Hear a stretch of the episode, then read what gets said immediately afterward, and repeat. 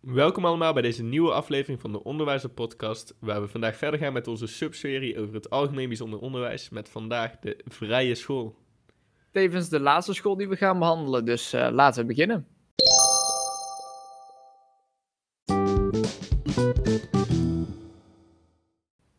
De vrije school is uh, ontworpen door Rudolf Steiner en uh, er zijn op dit moment nog zo'n 76 scholen van in Nederland. is toch wel weer wat meer dan onze vorige aflevering. Zeker.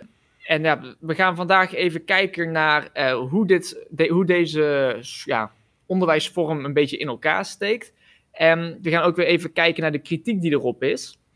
Uh, wat tevens wel heel interessant is, is dat de kritiek bijna allemaal uit de verleden tijd is. Mm -hmm. En tot de scholen er nu dus heel anders uitzien dan in de jaren 90. Maar daar komen we dan later op terug. Ja, en zoals jij net al zei, Rudolf Steiner, de vrije school is gebaseerd op opvattingen van Rudolf Steiner. Uh, de vrije school in andere landen heet de Waldorfschool. En um, vrije school betekent niet per se dat de leerlingen helemaal vrij zijn in wat ze leren. Ja, dus um, wat ze vooral op bedoelen is dat er inderdaad um, nou, vrij veel uh, in, ja, artistiek en veel creatieve vrijheden zijn voor de kinderen. Want uh, de school streeft ernaar om de intellectuele, artistieke en praktische vaardigheden van de leerlingen uh, op een ge ja, geïntegreerde en holistische manier te ontwikkelen. Dat is wel een heel mooi methodezinnetje, zeg maar. Maar wat we daar eigenlijk een beetje mee bedoelen, is dat de kinderen dus geïntegreerd leren en dan vooral geïntegreerd in een thema. Mhm. Mm. Ze noemen dat uh, bij de vrije school noemen ze dat het periodeonderwijs. Het komt een beetje overeen met het thema onderwijs die we al wat vaker hebben besproken, waarin ze dus een korte tijd met een specifiek thema aan de gang zijn. Uh, ja, holistisch, dat is voor uh, iemand die bij de kleuters ja, stage heeft gelopen, misschien al wel heel erg bekend. Maar dat is dus um, dat je op meerdere vakgebieden tegelijkertijd aan het ontwikkelen bent. Ja. Nog een belangrijk uitgangspunt van de vrije school is opvoeden ja, dat is, dat is gewoon een van de uitgangspunten die ze hebben. En het gaat dus niet alleen om rekenen en schrijven, maar het gaat ook om de persoonlijke ontwikkeling. Ja. En um, dat betekent niet per se dat dat individueel uh, opvoeden is, maar ook in relatie tot de sociale gemeenschap eromheen. Hoe het kind zich voelt, zeg maar, dus eigenlijk de uh, ontwikkeling van het kind zelf, staat eigenlijk voor de leerstof. Dus uh, de mentor of de leerkracht van de groep die, um, die heeft als eerste doel om te zorgen de leerlingen gigantisch goed te kennen. Dus de relatie tussen leerling en, uh, en leerkracht moet echt super goed zijn. En dan pas wordt er gekeken om eventueel aan de persoonlijke ontwikkeling te gaan werken. Want ja, je kent elkaar, dus dan kun je pas iets gaan doen met elkaar. En dan pas wordt er gekeken naar de leerstof. Dus Ja. als het kind zeg maar in een goede mentale staat is, dan pas wordt er aandacht besteed aan de leerstof. Zodat het kind zeg maar een optimale toestand, bij wijze van spreken, uh, door kan werken. Ja, dan is het ook misschien nog even belangrijk te benoemen dat vrije, onder, vrije schoolonderwijs vindt niet alleen plaats op de basisschool, maar ook op middelbare scholen in Zeker. Nederland. En daar zie je dan toch net wel wat uh, verschil tussen. Zo kun je bijvoorbeeld kijken naar de ontwikkelingfases. En dan praten ze meestal bij de vrije school de eerste zeven jaar vooral over het leren gebruiken van het lichaam en dat soort dingen wat jij zei al net, creatieve vaardigheden. En de tweede zeven jaar, dus tot en met je veertiende jaar, gaat echt over uh, dat je een mening leert vormen en leert communiceren. En dus is het eigenlijk de bedoeling bij het vrije onderwijs dat je vanaf je veertiende jaar uh, zelf kan nadenken en oordelen. Dit is ook de leeftijd dat ze net de middelbare opkomen, dus dan zie je een beetje dat daar de switch in zit. Ja, exact. En doordat je zeg maar die samenwerking hebt tussen leerling en leerkracht en zo in die ontwikkeling die DJ net omschreven heeft, zo wordt het kind dus eigenlijk een beetje klaargestoomd voor wat er op de ja, middelbare school gaat gebeuren. Wat vaak wel een streven is, is dat een kind van de, dat op een vrije school basisschool heeft gezeten, ook meteen weer doorstroomt naar een uh, vrije school middelbare school omdat die Ja. leerlijnen daar lekker in elkaar overlopen. Ja, en, ook anders de is die ook misschien wel te groot. Want het is natuurlijk echt wel een heel ander soort, ja, bijzonder onderwijs. Ja, zeker. En de andere die we omschreven hebben, zoals bijvoorbeeld Jena-plan en zo, daarin zitten echt nog wel heel veel kernen in tot het zeg maar bijna direct hetzelfde is. Alleen dat je dan in een thema werkt en in net een andere groepssamenstelling en zo. Maar ja, de vrije school gaat echt wel uit van meer artistieke dingetjes. Dus bijvoorbeeld... ehm, ja. Ja, zullen we gewoon eens even naar het leerpakket kijken. Dus, dat is wel een goeie. dus ze krijgen ook nog steeds rekenen, taal, ja, dier, plant en natuur, zeg maar. En het is ook vaak op een vrije school dat dit in een vast ritme verloopt, eigenlijk. Elke dag verloopt volgens een vast ritme. Dus de eerste uur van de dag gaan de kinderen met het hoofdvak bezig, waar ze dan op dat moment mee bezig zijn. En de rest van de dag zijn er gewoon vaklessen. En nu heb je dat vaste dat vakkenpakket bestaat gewoon uit ja, geschiedenis, natuurkunde, Engels, Duits, schilderen, gymnastiek, handarbeid.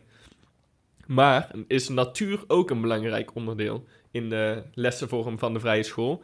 Eh, dit komt omdat ja, de werkwijze biedt de leerlingen ja, een ander leertraject.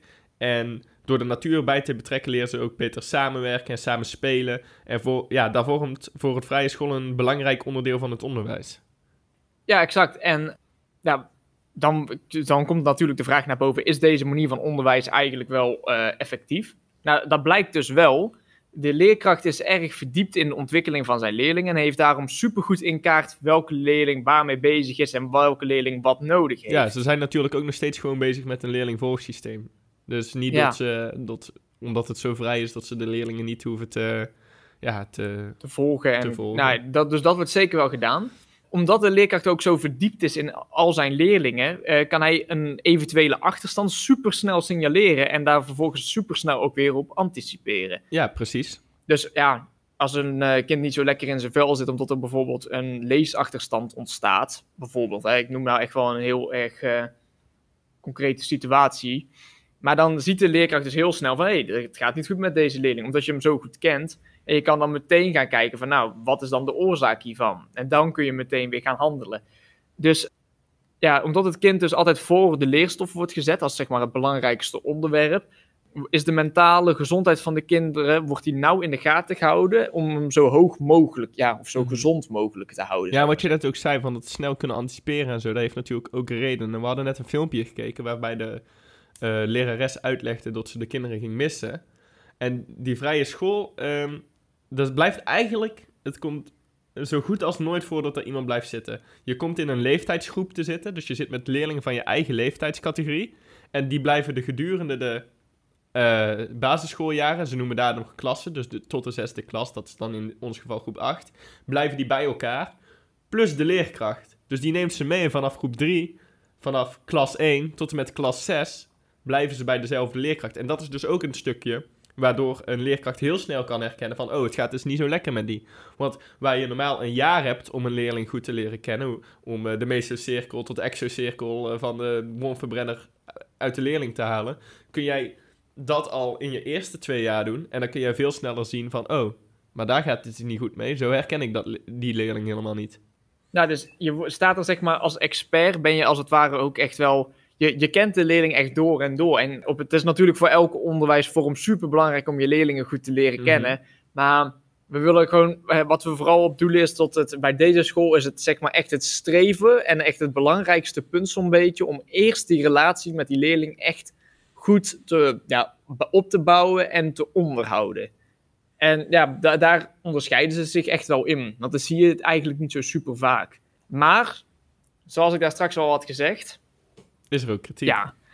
Ehm, ik wil heel even van tevoren zeer duidelijk gezegd hebben dat de kritiekpuntjes die nu benoemd gaan worden, vooral in het verleden hebben afgespeeld. En dan praten we over circa 1990. Ja, eh, vooral 1999, eh, 1990 moet ik zeggen. Ik zit bijna fout. Ehm, ja, de- het is zeg maar echt super veranderd. En de, de ja, misstanden die gevonden zijn, zijn ook echt helemaal eh, aangepast. Ja, maar het is toch wel belangrijk om ook dit aspect te benoemen als we het over Ja. het onderwijs hebben. Want zoals daar straks al eventjes voor, naar voren kwam, hebben ze op, op, het vrije, of op de vrije school hebben ze een bepaald aantal vakken die ze niet op alle scholen hebben. Ze Nee. hebben specifieke toneellessen die zeg maar deel zijn van de normale Ja, ja. eh lessencycli. Eh, maar ze hadden destijds, in 1990 waar we dus over spreken, hadden ze ook het vak volkenkunde. Mhm. Ehm, dat komt echt alleen maar voor dus ja bij de vrije uitsluitend school. voor het eh, vrije schoolonderwijs. Ja, en nou, dat, dat was dus een vak waarin ze zeg maar ja, de verschillende volken en volkenstanden zeg maar leerden kennen. Ehm, ja, dat werd er dus van verdacht, dat hele vak zeg maar, van racistische trekken. Mhm. Er, er is toen echt gigantisch veel onderzoek geweest en eh, allerlei ja, Ja, ze hebben Ja, zeg ze maar al die boeken onder de loep genomen. onderzoek gedaan naar alles wat er toen in de vrije school plaatsvond. Dus ook niet alleen naar dat vak, maar specifiek wel inzoomend op volkenkunde. Ja, en volkenkunde werd altijd gegeven uit hetzelfde boek, zeg maar. Er was zeg maar maar één handleiding voor dit vak. En 16 van die pagina's werden als racistisch omschreven. Ja, dat is toch best wel eh, erg eigenlijk. Ja. Maar, zoals we zeggen, is dit verleden tijd. Want in 1990 is het vak dus geschrapt uit de Nederlandse vorm van het onderwijs. Dus je ziet dit vak niet meer terug in het, eh, in het vrije schoolonderwijs. En als je er ook over na gaat denken, past het ook helemaal niet bij wat de, waar de school voor staat. Nee. Dus het zal echt wel, zeg maar, ja, het was natuurlijk ook een heel andere tijd destijds. Ja, dan is het ook wel belangrijk te benoemen dat het niet per se afkomstig was uit de wetenschappelijk onderzoek van Steiner. Nee, dat is ook nog eens iets. Want de, deze onderwijsvorm is dus bedacht door Rudolf Steiner. Mhm. Maar daar we normaal gesproken het hebben over pedagogen of ja, gewoon mensen die echt, of huisartsen hebben we eentje gehad, was deze man eigenlijk niet specifiek een, ja, een wetenschapper van oorsprong. Hij eh, is dus uiteindelijk wel een beetje pedagoog geworden omdat hij deze school heeft opgericht. Maar zijn bevindingen en zijn waarnemingen voor, eh, dit, ja, voor de samenstelling van dit onderwijs zijn niet afkomstig uit een wetenschappelijk onderzoek. Klopt. Hij claimt namelijk, of claimde destijds, dat zijn bevindingen eh, afkomstig waren uit een helderziend onderzoek, waarbij dus de bevindingen afkomstig zijn uit een andere, hogere wereld. Ja. En dus niet controleerbaar zijn voor onze En wetenschap. Ja, met ja, onze niet- wetenschap We bedoel kunnen ik... het niet wetenschappelijk onderbouwen. Ja, Want het komt uit een- ja, iets niet bestaans, of in ieder geval voor ons niet bestaans. Ja, hij, hij want hij, hij zei daarbij duidelijk dat het zeg maar, maar voor een aantal mensen mogelijk is om, ja, dus voor helderzienden zou het mogelijk kunnen zijn om eventueel te traceren of dit onderwijs wel of niet geschikt is. Maar ja, dat is dus niet voor elke wetenschapper te onderzoeken en daarom wordt er af en toe wel eens een keer raar naar gekeken. Mhm. Maar, zoals we al zeiden, verleden tijd. Tegenwoordig is het dus met de relatie, met het stukje relatie opbouwen, wat wij ook in- bijvoorbeeld in onze aflevering over pedagogische basisbehoeften hadden benoemd, is het heel erg, ja, zijn er dus echt wel bronnen te vinden die zeg maar onderbouwen tot het wel een geschikte vorm van onderwijs is. Dus laat je vooral niet nu afschrikken van, oh, het heeft wat misstanden gehad in het verleden. Ja, ze hebben wel gewoon natuurlijk de nodige aanpassingen gedaan om daar weer ook van af te stappen. Ja, en we spreken nu al bij bijna elke ABO-school over iets wat er vroeger heel anders was en wat ze nu helemaal hebben bijgesteld, tot het nu bijna niet meer te herkennen is zoals het vroeger was. Want in ieder geval, deze vorm van bijvoorbeeld racisme is gewoon echt niet meer terug te vinden Nee. in de school. In ieder geval, dat is niet de bedoeling. Nee, ja, maar wel goed tot het op dat moment dus ook aangepakt is om ernaar te kijken. Ja, zeker. En als je gaat kijken, is het ook echt al wel weer een tijd geleden. Mhm. Dus ja, Om even samen te vatten. Vrije school, oprichter Steiner. Rudolf Steiner. Streeft naar ja, intellectuele, artistieke en praktische vaardigheden van de leerlingen. en deze dan weer op een geïntegreerd, of ja, thema geïntegreerde en holistische manier te ontwikkelen. Mhm. Creativiteit bij de leerlingen staat centraal. Ze hebben een vast ritme per dag. De groep blijft altijd hetzelfde van klas 1 tot klas 6, wat voor ons groep 3 tot groep 8 is. Eh, dit is inclusief de leerkracht die voor de klas staat. Dit is ook de reden dat de leerkracht de leerlingen heel goed kent. En ze hebben ook andere vakken die wij niet per se op elke basisschool terugzien. Zo hebben ze bijvoorbeeld vast toneel en wat nog meer. Ja, er, ze hadden bepaalde natuurvakken die Ja. zeg maar bij ons net iets anders ingericht zijn. Het had in het verleden had deze school wel wat eh, misstanden, maar ja, de laatste zoveel jaar Hebben is dat allemaal eigenlijk een beetje eruit. Er zijn er nog 76 scholen van in Nederland, dus niet bijzonder veel. Ja, maar, we hebben zeker minder, minder. gezien. Het kan zeker minder. Ja, ik zou vooral zeggen, lijkt het je interessant om hier meer over te weten, zoek het vooral op. Er zijn, eh, wij hebben in ieder geval gezien dat er veel interessante video's over te vinden zijn Zeker. op het internet. Zijn er nog specifieke vragen, ben je ook welkom om deze te vragen op onze socials. Dat kan op Onderwijzer de Podcast op Twitter, Instagram, Anchor, Spotify, Apple Podcast, waar je maar wil. Wil je vragen achterlaten, kan dat natuurlijk gewoon via de DM's of iets in die trant. En ehm, dan Dan rest er ons niks, denk ik. Nee, dan zien we jullie weer in de volgende aflevering. Houdoe. Houdoe.